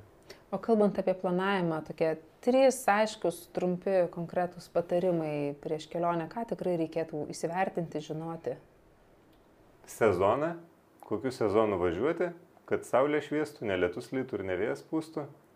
Tada COVID apribojimai, antras labai svarbu. Šiuo metu dar tai darosi mažiau aktualu, nes pakankamai, jeigu vakcinuotas, tai lengvai priima visur, bet dar vis yra šalis, jeigu važiuot sudėt, į sudėtingesnės šalis, tai ten svarbu dar COVID apribojimai. Ir trečias patarimas tiesiog stengtis gerai praleisti laiką turbūt ir pasimti viską savo iš tos kelionės kiek įmanoma. Um, priminkit, prieš kiek metų jau pradėjot keliauti šitas, atsimenu, kad... Galbūt prieš 13. 13, va taip ir atsimenu, mm. taip, taip per, per tos 13 metų nuo pirmos tokios rimtos kelionės, kas pasikeitė jūsų paties suvokime, gyvenime, vertybės gal pasikeitė? Vertybės pasikeitė turbūt į tą pusę, kad kai aplankai netokia turtinga šalis, gyveni čia nais Lietuvoje, pakankamai turtinga šalis, viskas paprasta, lengva ir matai žmonės, žmonėm rūpi, sakysim, ten naujas telefonas ir panašiai. Gyvenam kapitalistiniai šaliai, sakysim. Kai nuvyksi kažkur tai toli, matai, kuo žmonės džiaugiasi. Pinigų ten nėra, bet jiem užtenka bendravimo. Jie laimę jaučia bendraudami savo grupėse, savo bendruomenėse Užtenka iš esmės, kad būtų pilnas skrandis, kad šiltai galėtų mėgoti nešalti, o toliau visa kita jau kaip Dievas duos, bet šiaip jie labai laimingi. Kuo paprastesni žmonės, tuo laimingesni. Tai iš tenais, iš kelionių turbūt pasiveži tą paprastumą, kad, kad nebūtini tie visi nauji daiktai, firminiai pavadinimai ir panašiai, bet užtenka bendravimo su žmonėms, kad gali jaustis gerai, būti laimingas. Tai vat, šitą dalyką turbūt labiausiai. Svarbiausia, ar ne? Mm -hmm. O tokių netikėtų kažkokių dalykų, ko nesitikėjot suprasti arba patirti, irgi vyko per tas 13 metų, kad tikrai nebūčiau pagalvojęs, kad... Galbūt per tuos 13 metų labai daug skirtingų religijų pažinau. Ir stereotipai, kuriuos sukurdavo visuomenė, žiniasklaida, žurnalai ir panašiai, sakysim, kad ten musulmonai yra blogi. Ne, nu, yra toks stereotipas su barzda, tai jis ten sprogdins. Nu, absoliuti netiesa, tie žmonės prie širdies gali glausti. Ir skirtingos religijos iš tikrųjų turi savų labai daug pliusų, kažkur religija ten gali iškelti vieną akcentą, iš kitos kitą akcentą. Tai va turbūt šitas dalykas toksai netikėtas, kad kaip pradedi pažinti naują tautą su nauja religija, kad ir į save kažką gali gero pasiimti ir esi atviresnis, priimtinesnis, tolerantiškesnis tada ir kitom tautom, religijom, tai turbūt religijas negi akcentuočiau. Paskutiniai kelioniai tai turbūt nesu tiek daug religijų pažinęs ir, ir aplankęs ir susidūręs per trumpą laiko tarpą, tai turbūt per savaitę buvau ir Hari Krišnas šventykloje, ten vyko ceremonijos ir Sikhų religijai buvo labai galingai, ten tūkstančių žmonių susirinko irgi ceremonija tada tibetiečių budizmą, musulmonų, hindų ir pas krikščionis, pas savus buvau. Tai, tai čia kaip buvo dabar Indija, Šiaurės Indija ir, ir, ir, ir Pakistano pasienė. Taip, taip. Tuo metu iš, iš kalnų Žimalajų, kai nusileidau žemyn pasišildyti, tai va, ten prasidėjo religijų puokštė. Tai puota tam tikra, ar ne? O yra vietų, kurias du kartus grįžote, ar tris kartus? Ar tiesiog norisi dar grįžti? Ne, stengiuosi, kad aplankyti vis naują šalį, nes pasaulis labai platus, į tą pačią vietą nenoriu grįžti. Nors ir labai įdomi, Iraną galvoju, kad dar vis grįšiu, nes Iranas labai patiko. Tai vis dėlto yra. Sako, ne, atsakymas, o paskui yra, bet, sako, grįšiu į Iraną. Nevažiuoju. tai, tai dabar aišku, dėl ko nevažiuojat? Aplinkinės. Bet norisi. Norisi, norisi, aišku. Tiesiog labai daug šalių yra nesinori. Galvoju, padarysiu savo nuodėmę, nuvažiavęs vėl į Iraną, kai yra tiek daug Afrikoje? Bet norisi dėl ko? Kas, kas yra ne? Žmonės. Tokio? Žmonės traukia. Tokie draugiški žmonės, kad prie širdies gali dėti. Nepažįstamam žmogui draugiškesni atrodo negu pažįstami žmonės. Mm. Tai O parsivežat iš tų kelionių, na, draugyščių, žmonių, kurie lieka ilgesniam bendravimui? Parsivežu, parsivežu. Bendraujam. Jeigu būna, pavyzdžiui, to šaly kažkoks po to konfliktas ar kažkas, tai aš jam parašau, ar viskas gerai tenais ir panašiai. Jie bendrauja irgi, paklausia, kaip sekėsi ten ir panašiai. Lieka ryšys. O vykintai prie jūsų grįžtant, kokie jūsų didžiausi atradimai buvo keliaujant po Lietuvą per visus tuos metus? Jau 91 metais jau minėjot, kad jau tyrinėjot, jau dirbot ar studentavot, tada ką jūs veikėte 91-aisiais? Mm, dar mokykloje. Dar mokykloje mokėtės. Tai reiškia, tyrinėt pradėjot mokykloje dar taip. Ir, ir taip aktyviau vis tiek ir studijos, jūsų archeologija tikrai davė stiprų pagrindą, turbūt ir irgi sukrenta visi tie įrankiai.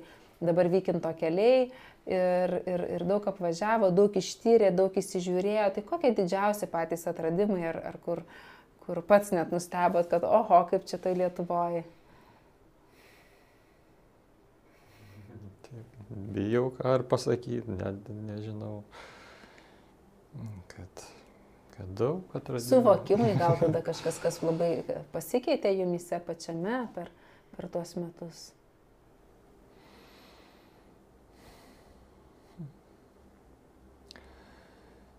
Na, sunku, sunku tai pasakyti.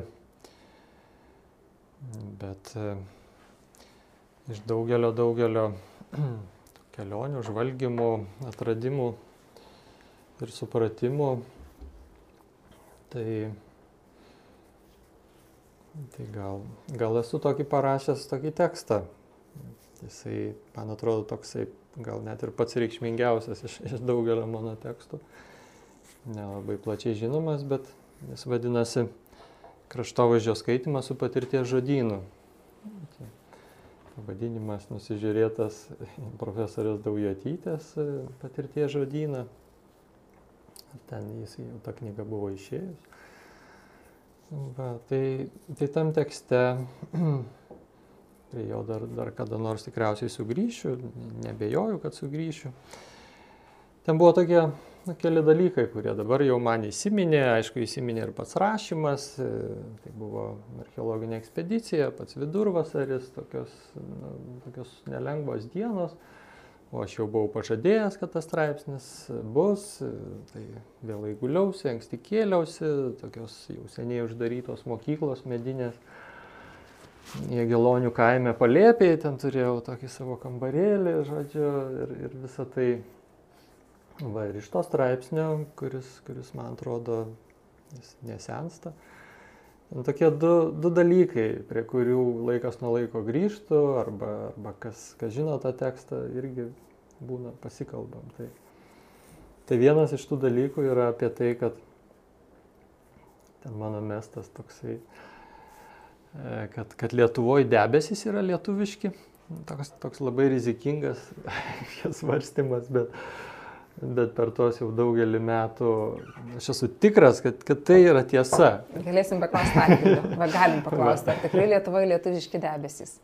Tai žinokit, kokie gražus debesis. Kai leidausi, dabar iš Himalajų, kai grįžau į Lietuvą, toks gražus dangus buvo, kad filmavau per langą. Ir šalia manęs moteris sėdėjo, sako, jūs man galite atsiųsti, ką jūs nufilmavot. Labai gražus debesis, skirtingų formų, visą kitą. Sakiau, bus filme. Va, tai lietuviški, lietuviški tai va, debesys gerai. Taip, taip, taip, bet yra daugelis, daugelis pašnekovų, kurie įma ginčytis ir, ir žodžiu, ir mes tada svarstom ir aš tada žinau, ten kaip atsakyti ir kokie tie debesys. Tai būna. kaip atsakot, pasakykit. Čia Pašnekovas nesiginčia, bet vis tiek pasakykit. Aš palaikau. Na tai, tai daugelis debesų kyla pas mus, kyla jie čia iš Lietuvos ir, ir Ir mes matom būtent juos, kurie, kurie ten ryte iškilo, aišku, susijęs su to, kokia diena buvo vakar.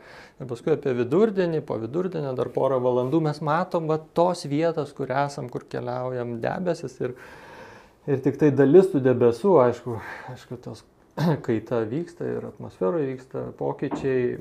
Aišku, yra, kai atkeliauja ciklonai, anticiklonai jau iš toli, ne, tai jau ten tada truputį kas kita. Bet, Bet šiaip ir tai, ką matom ten gražiosiuose peizažo fotografijose, ar ten Janas Bulhakas, ar, ar šio laikiniai autoriai, tai tie debesis, kurie mus užbūrė, ten, ten kunčiaus, ten nuotraukos ar, ar kitos, tai, tai, tai yra mūsų kraštovaizdžio dalis, nors Pirma mintis yra, kaip tai gali būti, kraštovaizdis yra tai, kas yra čia. Ant žemės. Ant žemės, bet, žemė. bet mes turim suvokti, kad taip, tai yra ta dalis, kuri yra, aš tai pakėlus vos vos, reiškia, akis, o kartais ir nereikia net kelti galvos. Ne? Tai, tai čia yra toks vienas iš svarbių dalykų, nes keliauti ir na, dairytis to, kas yra ant žemės, na, tai būtų tik tai na, dalis kelionės ir to, dalis to malonumo ir ta daugelis mes jaučiam ir fotografuojam ar filmuojam, bet, bet ne, neįsisamonim, kad tai irgi yra Lietuvos bruožas. Nežinau ar tiesa, bet,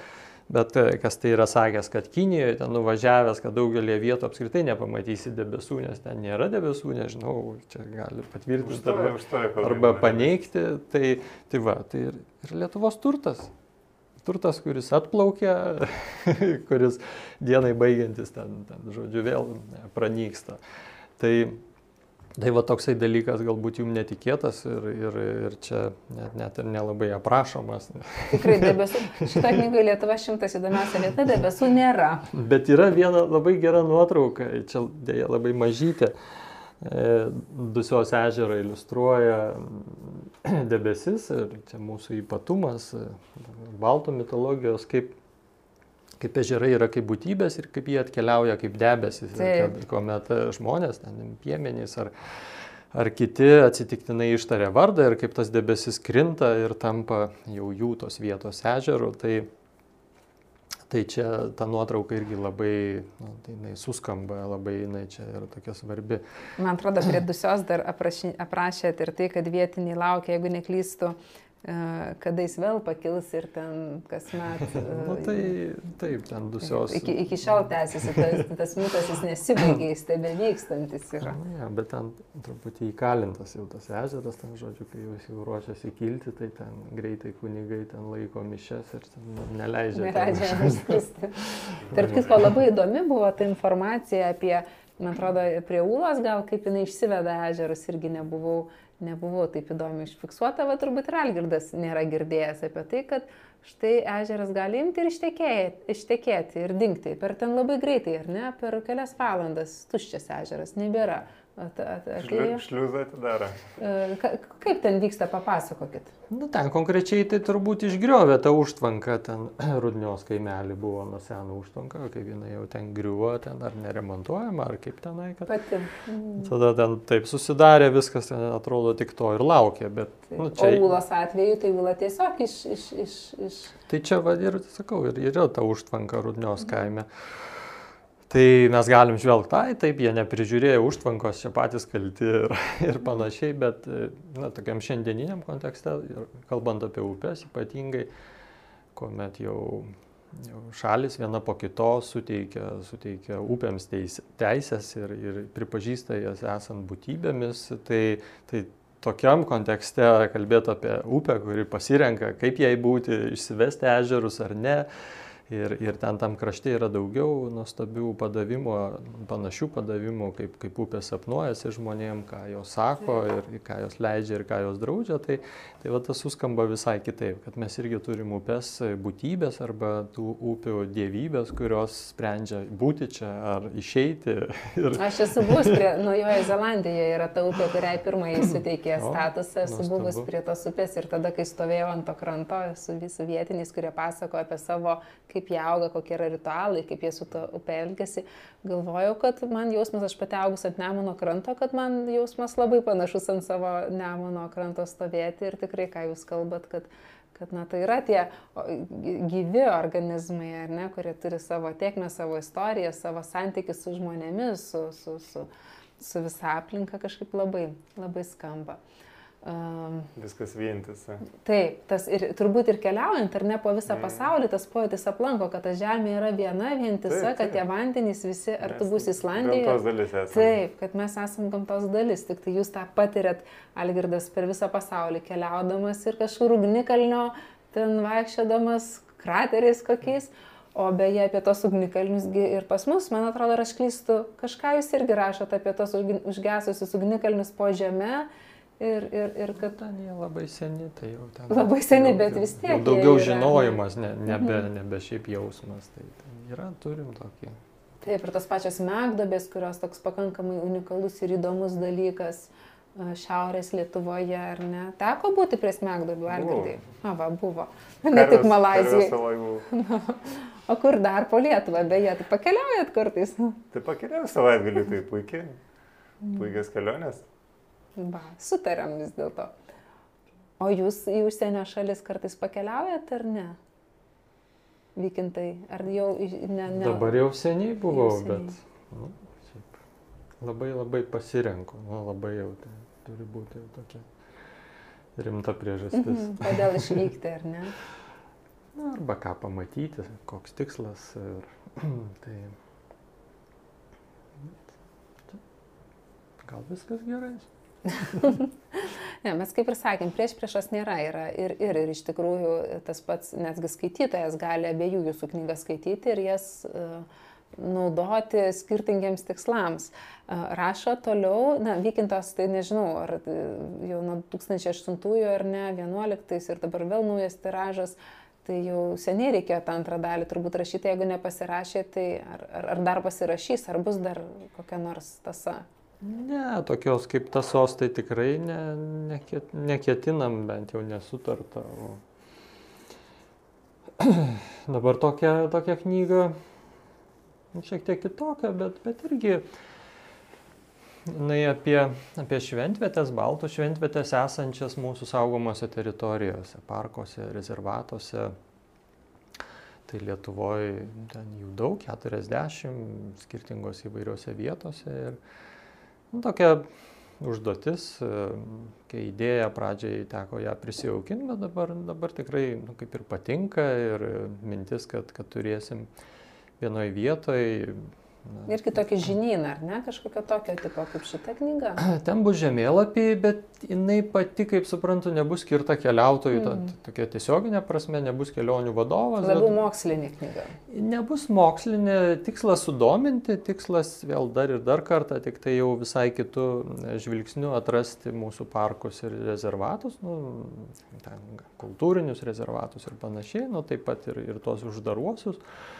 Va, tai, tai toksai šventumo matmuo, kuris dažnai pamirštamas arba tik tai kai kuriais atvejais iškeliamas, jisai, jis yra kiekvienam iš tų kraštų arba tų, tų saugomų vietų, vietovių. Va, ir, ir labai įdomu pažinti, labai įdomu kažkaip atrasti arba tiesiog ieškoti, na, kaip tą papasakot, kaip tą perteikti, kur, kuriais kalba apie na, apie ežerą kaip būtybę, kuriais kalba apie, apie akmenį ar galbūt e, apie šaltinius, kad jau, jau dabar jau tiesiog laukiu, kada, kada galėsiu Dzikijos nacionalinio parko šaltinius aprašyti kaip nu, tokį reiškinį, nu, neįsisamonintą, nesuvoktą, o net nežinau, kas, kas to parko galėtų būti akcentas ten Marcinkonis ar Merkinė, bet, bet e, paklausus, ar, ar tikrai jūs žinote, kad tas parkas na, visiškai išsiskiria ir, ir ten gali praleisti kelias dienas keliaudamas nuo vieno šaltinio prie kito, ragaudamas vandenį ir, ir, ir tokiu būdu susiliedamas ir kartu na, turtėdamas, taip dvasiškai turtėdamas ir, ir tai na, tokia na, nuostabi rimta priežastis bendrauti su vietos žmonėm, klausti jų, o kaip jūs gyvenat. Ir, tai, tai irgi, va, štai dabar ne, nekalbėčiau čia, tai jau galvočiau, kaip čia pavokti tas minutės ir, ir, rašyti. ir rašyti. Tai, tai žodžiu jau laukia ir, ir labai džiaugiuosi, kad per šios metus teks, teks tą knygą parengti jau kitais metais pradžioje. Jau bus ar ne knyga. O Algirdėjo jūs, ar, ar bus kelionės ant sofos 2, 3 ar kažkas? Kelionės ant fotelio bus. Kelionės ant fotelio bus. Bet iš tikrųjų e, ruošiat, renkat medžiagą. Čia jau natūraliai gausis. Manau, kad labai realu. Iš įdomesnių kraštų bus galima vėl. O šią knygą jūs e, pagelbėjo sudaryti ar pats visiškai rašėt, kaip gimė šita knyga Kelionės ant sofos? Aš kažkaip negalvojau iš tikrųjų, kad rašysiu knygą ir panašiai, bet keli žmonės aplinkiniai sako, daryk, daryk, užvesk žmonės, gerai, bus gerai. Na galvoju, pasiryšiu.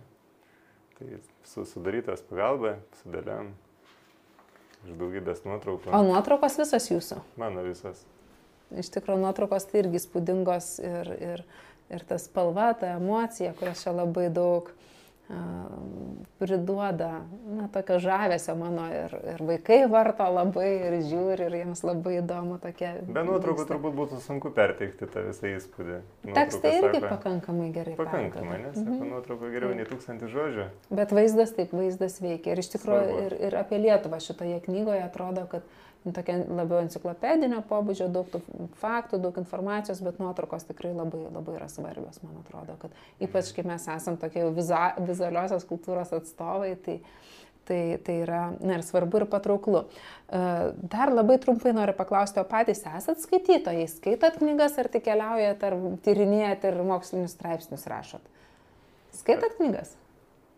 Aš klausau audio knygas, todėl kad laiko šiaip nelabai turiu sėdėti ir skaityti, o kuomet kelioniai būna ilgas laiko tarpas, pavyzdžiui, autobusu kažkur toli važiuoju, būna 5-6 valandas važiuoju autobusas purtas visokiais serpantinais ir panašiai, tai pakankamai šiai būtų sunku ir, ir neturėčiau vietos kuprinėje savo mažoje, nes visada įmu mažą knygų prisidėti, tai naudoju audiotekos knygas, tai labai gerai būna autobusuose laiko užmušti. Pataikai netgi į tą pačią temą pasirenku, kad ir knyga šiek tiek atitiktų. Arba kalnuose einant į žygį būna kartais tikrai sunku lipti į kalną, Tai kai į knygą susikoncentruoji, galvoji apie ją, žiūri, o, aš jau viršūnėje. Dėmesį padeda nukreipti taip, nuo to taip, sunkumo, ar ne? Taip, taip, nes kitaip galvoju, ah, sunku, sunku, lipi, lipi, galvoju, kaip sunku. Galvoju, taigi audio knygą turi. Teisinga knyga, taip gerai. O ką klausot? Ką labiau mėgstat grožį? Pavyzdžiui, dabar Sapiens klausiausi knygą. Irgi tiko labai apie religijas, nes labai daug religijų visokio. Ir tuo pačiu, kaip įdomu, galvoju, man tinka ir budizmas, ir esu budizme, tai labai buvo konkretų tikslų labai tiko, įdomu buvo. Tai ne grožinė, suprantu, ne romanai. Aš klausau ir grožinės. Ir grožinės. Autobuse klausau ir grožinės, įdomu. Detektyvai, romanai, trileriai, ką renkasi? Romanai. Romanai keliautojai. Aha, mm. gerai, labai įdomu. labai įdomu. Tikrai audio formatas yra a, patogus kelionėse ir žinau, kad, labai. pavyzdžiui, ilgus atstumus važiuojant, tai tikrai ir vaikams labai leidžia ir kokie vokiečiai, tai, tai tiesiog turiu daugybę metų tą audio knygų kultūrą. Ir, mm ir labai mėgsta klausytis knygų, ne, ne tik jas skaityti. O jūs vykintai, ar lieka laiko knygoms laisvalaikiu? Labai nenudžiuginsiu. Sakyt, kaip, kaip sakau, daug, daugiau, daugiau tenka rašyti, bet, na kaip, kaip, aišku, vykinto keliai reiškia, kad, kad na, daug ieškai, daug žiūri, vėl galvoji ir galvoji. Tai Tai toks lik ir išgyvenu tokį lik ir atgimimą, nes, nes kartais tą gerąją prasme esu priverstas, tai paskaityti arba ieškau, kas, kas tiktų, tai, tai kažkaip taip, nu, labai, man atrodo, svarbu ir, ir gražu. Tai dabar Romaldo Granausko prieš, prieš porą mėnesių turbūt taip žiūrėjau, skaičiau, galvoju, kaip, kaip kas yra. Nu, Justino Marcinkievičiaus tekstai, nu, tai, kas, tai kas artima, tai kas e, tinka, ko, ko taip norisi ir pasidalinti ir, ir, ir tą ir darau. O apie, vykinto, aha, apie Vykinto kelius dar noriu labai labai trumpai paklausti, jau mes taip link pabaigos. E, vykinto keliai tai yra jūsų vieno iniciatyva, tai e, kelionės. Šeimos. Šeimos, abu su su Daiva. Ir ne? dukra. Da. Ir, ir dukra. Ir jūs tas keliones, tas visus maršrutus jau kuriate patys nuo idėjos iki jos įgyvendinimo, ar ne? Iki viešinimo. Iki viešinimo. Ir jau pra, ir įgyvendinimo, tai ne tik viešinimo jūs dar ir vedat, ir bendraujat su grupė. Ir kiek jau metų dirbat? Tai jau greitai bus keturi, keturi metai. metai aha. Mm.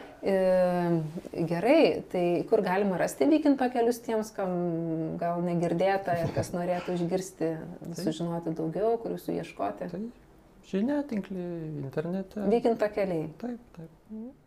Algirdai, o jūsų kelionės dar pristatykit visiems, kur galima rasti tiesiogiai ne tik knygoje kelionės ant sofos, bet ir... Mano kelionės gali tinklapyje rasti journey.lt. Taip pat e, kuriu filmus, dedu į YouTube. Ten irgi taip pat Journey LT, egzotiniai keliai, Delfi TV rodo egzotiniai keliai. Ir taip pat galima Facebook'e, Instagram'e tuo pačiu pavadinimu surasti. Ten nuotraukos įspūdžiai būna šviežiausi, laivą kartais irgi pasifilmuoju. Iš kelionė. Gerai, tai visiems tiems, kas norės daugiau apie jūs sužinoti ir apie jūsų keliones, tai kur ieškoti pasakėme. O dar po paskutinį klausimą tokį gal truputį intriguojanti, ko nenorėtumėt, kad jūsų skaitytojai, sekėjai apie jūs sužinotų? Pirmas aš. Galbūt, kad, kad nesužinotų, kiek esu priragavęs maisto skirtingo ir gyvūnų visokiausių, nuo smulkesnių iki stambesnių pasaulyje. Čia turbūt Azija. Tai dabar jau turėčiau pasakyti. nu, tai ir švelnesnių gyvūnų, švelnė, kai, švelnė kailių ir smulkesnių visokiausių skorpionų. Čia turbūt tuo labai nesididžiuoju, pats noriu pabandyti skonį visokiausiai, nes aziečiai ten pasižymė ir visokio gyvatės krauju ir visokiausiais ropojančiais, daugia kojais. Tai vat, kartais tų vis paragaunu, nes labai įdomu būna. Tai vat, pasakiau. tai pasakė taip. Tai buvo baisu, kad e, sužinos ir ką pasibaisės, kažkaip pasibjaurės, nustebės. Tai kai kurie žmonės, nežinau, pavyzdžiui, jūrų keulytė, net atrodo, perų tradicinis patieklas, bet kitiems tas mielas, gražus gyvūnėlis glosto, man atrodo, kaip jį galima valgyti. Tai tiesiog gal apie tai per daug nešnekėčiau. Kaip ir tai yra normalu. Jau pašnekėjom. Pašnekėjau. Ačiū vykintai, o jūs yra kokių dalykų, kuriuos norėtumėt nuslėpti nuo savo skaitytojų? Gal kad yra ten dienoj, paroj, ten keletas minučių, kai nedirbu, neturiu jėgų. Pamėgat kartą.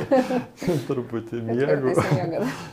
tai gal, gal to, gal nesinorėtų išduoti. Šiaip taip kaip ir esu atviras. Tai, tai man atrodo toks labai svarbus dalykas, kad, kad tos mūsų vertybės, kurios, kaip sako, mielas Algirdas moralė, ar, ar tos vertybės, kad, na, kad jos nu, tokios būtų aiškios, kad, kad nu, neįvyktų nesusipratimų, ne, kad, nežinau, na, gali žinoma pas mane ten į ekskursiją atkeliauti ten medienos pramonės ten magnatas ir, ir nu, nesutikti su tuo, ką kalbu apie mišką, ne, apie šventą mišką. Bet nu, dažniausiai taip nenutinka, nes nu, vis tiek yra tam tikros vertybės, kuriom, kurios atsispindi ar mūsų sumanimuose, pavadinimuose, ar vietose, kurias lankom ir, ir tokiu būdu.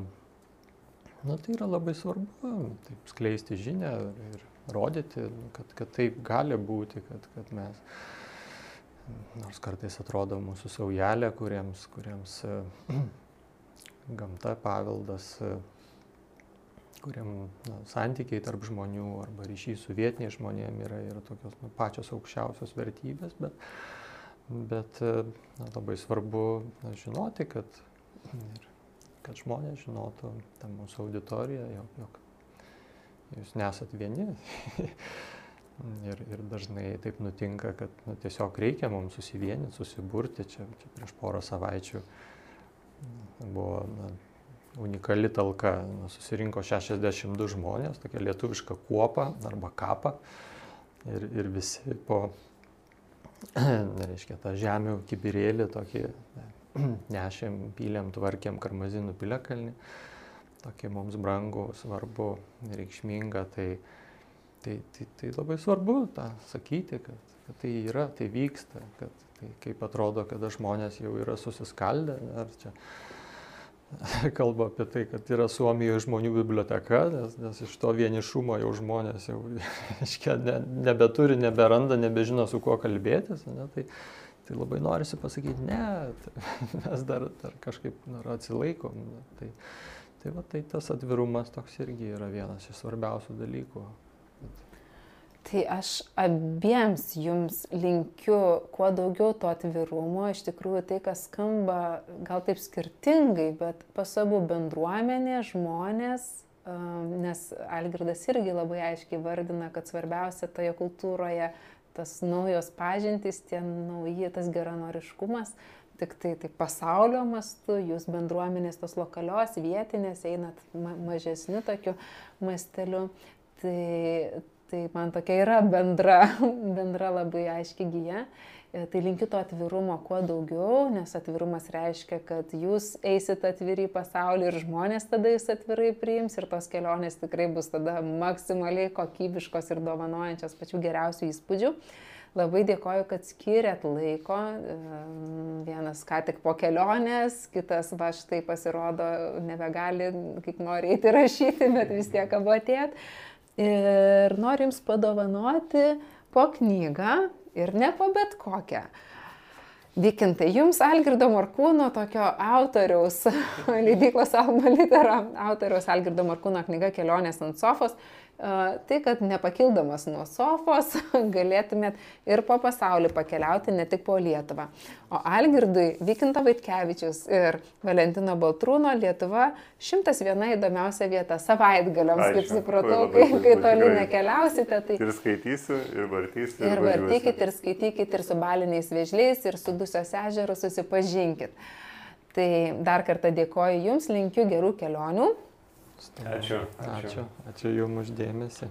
Na, o su jumis atsisveikiname leidyklos Alma Litera podcastą. Visus jo epizodus rasite mūsų YouTube kanale ir populiariausiose podcastų platformose. Na, o visas mūsų knygų naujienas, straipsnius su autoriais, pokalbius, interviu rasite mūsų svetainėje www.almalitera.lt.